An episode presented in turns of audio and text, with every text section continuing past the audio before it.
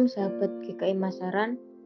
Hari ini kita akan kembali mendengarkan renungan dari buku Labirin Kehidupan 2 karya Pendeta Joas Adi Prasetya. Bersama saya Abigail Tamaratito membacakan buku Labirin dengan tema Mindfulness. Selamat mendengarkan. Missio Dei Mujizat penyembuhan seorang yang buta sejak lahirnya di dalam Yohanes 9 berlangsung begitu saja, tak terencana, tak terprogram. Ayat 1 menunjukkan bahwa mukjizat itu terjadi waktu Yesus sedang lewat. Ia adalah sebuah interupsi bagi si buta yang sejak lahir telah hidup di dalam kegelapan. Bukankah setiap hari kita juga lewat mana pun ketika menuju ke sebuah tempat yang telah kita rencanakan? Kita melewati jalan-jalan tertentu menuju sekolah, kantor, pasar, atau tempat lain. Di tengah perjalanan itulah kita melewati banyak peristiwa dan banyak orang. Berbeda dengan Yesus, kita kerap melewatinya begitu saja, tanpa pernah menduga bahwa apa atau siapa yang kita lewati mungkin saja memerlukan perhatian atau pertolongan kita. Yesus berbeda. Ia berhenti sejenak, di mana pun ia berada, tak pernah Yesus tidak menghadirkan tanda-tanda kerajaan Allah.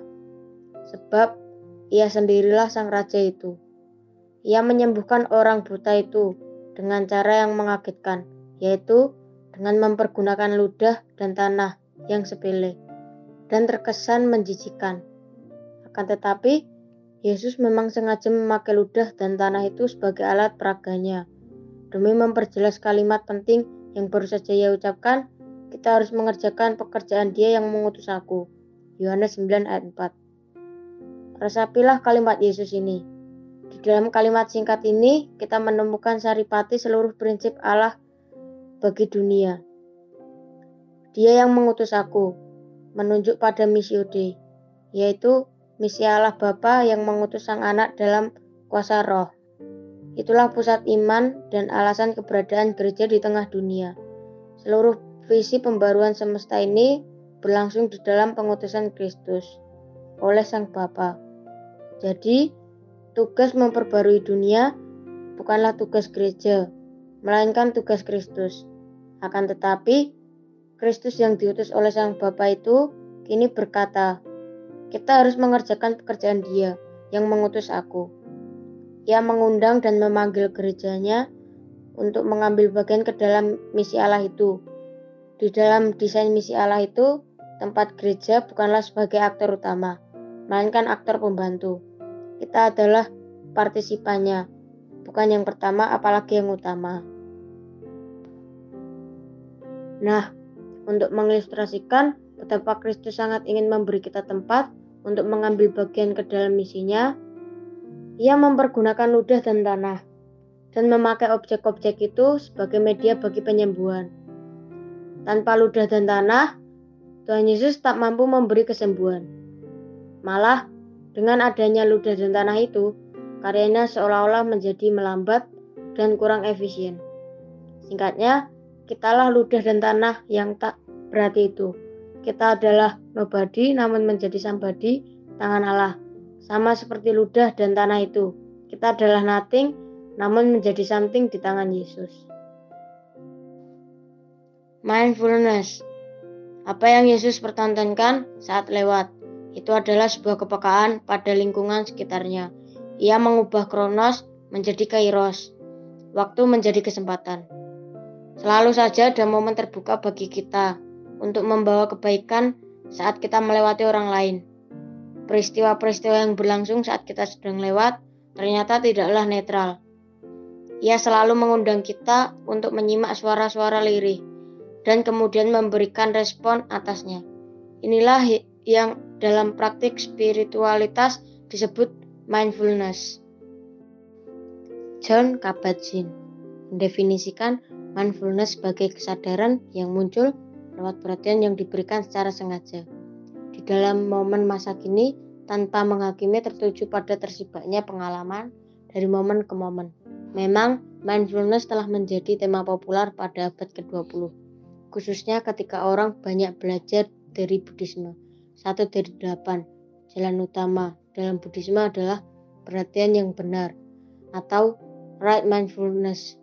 Akan tetapi, Ameoden, seorang pengajar di Saint Paul School of Theology berkata bahwa tradisi spiritualitas Kristen juga telah menekankan pentingnya mindfulness ini. Jauh sebelum ia menjadi tren di dunia modern, ia sendiri mendefinisikan mindfulness sebagai praktik penuh perhatian dan doa di dalam momen saat ini.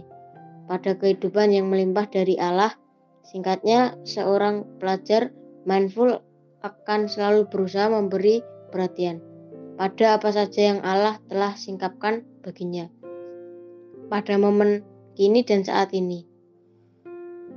Yohanes 9 ayat 1 berbunyi, Waktu Yesus sedang lewat, ia melihat seorang yang buta sejak lahirnya.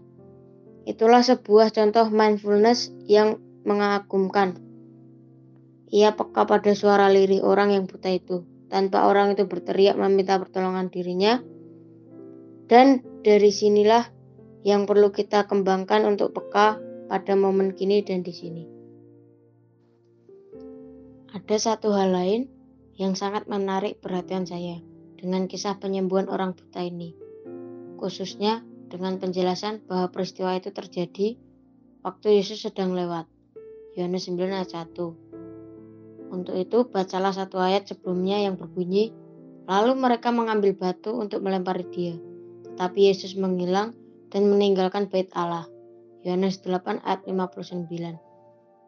Di dalam Alkitab berbahasa Yunani, versi Textus Receptus atau TR yang dikompilasi oleh Desiderius Erasmus pada tahun 1516, terdapat sebuah anak kalimat tambahan yang kira-kira membuat seluruh ayat ini berbunyi, lalu mereka mengambil batu dan melempari dia, tetapi Yesus menghilang dan meninggalkan bait Allah pergi dari tengah-tengah mereka dan melewati mereka.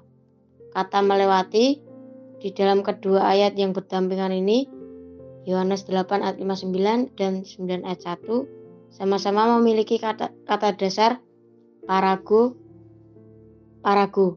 Jadi tampaknya di dalam tiar kata paragu adalah lewat. Ini mengikat kedua kisah bersama-sama. Kata lewat di dalam Yohanes 8 menunjukkan keputusan Yesus untuk berhenti melayani orang-orang Yahudi di bait Allah yang memusuhinya dan ingin melemparinya dengan batu. Sebaliknya, kata yang sama di dalam Yohanes 9 menunjukkan keputusan Yesus.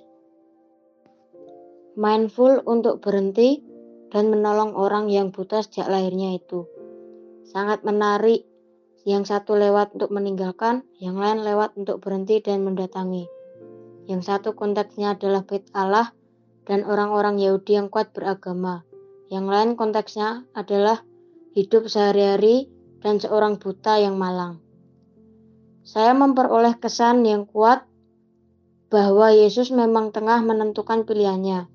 Bahkan pemihakannya, ia lebih menyukai hidup sehari-hari yang terbuka pada kebaikan ilahi daripada hidup religius di bait Allah dengan religiusitas yang tertutup pada kebaikan ilahi. Terus terang saja, gereja pada masa kini harus dengan gentar menimbang kemungkinan bahwa seandainya Yesus hadir pada masa kini, ia akan melewati gereja kita untuk meninggalkannya dan melewati orang-orang menderita di keseharian hidup untuk mendatangi mereka. Jangan-jangan selama ini kita menempatkan fokus hidup kita secara keliru. Mungkin kita lebih terfokus pada kehidupan yang penuh dengan simbol religius atau gerejawi dan melupakan hidup biasa yang dipenuhi dengan tawa dan tangis sesama. Jauh lebih mudah untuk menjadi peka pada simbol kehadiran ilahi di gereja dan jauh lebih sukar untuk peka pada simbol kehadiran ilahi di dunia sehari-hari. Untuk alasan itulah sesungguhnya mindfulness menjadi olah spiritual yang sangat berharga. Demikian perenungan kita hari ini. Semoga memberkati sahabat semua. Tuhan Yesus memberkati.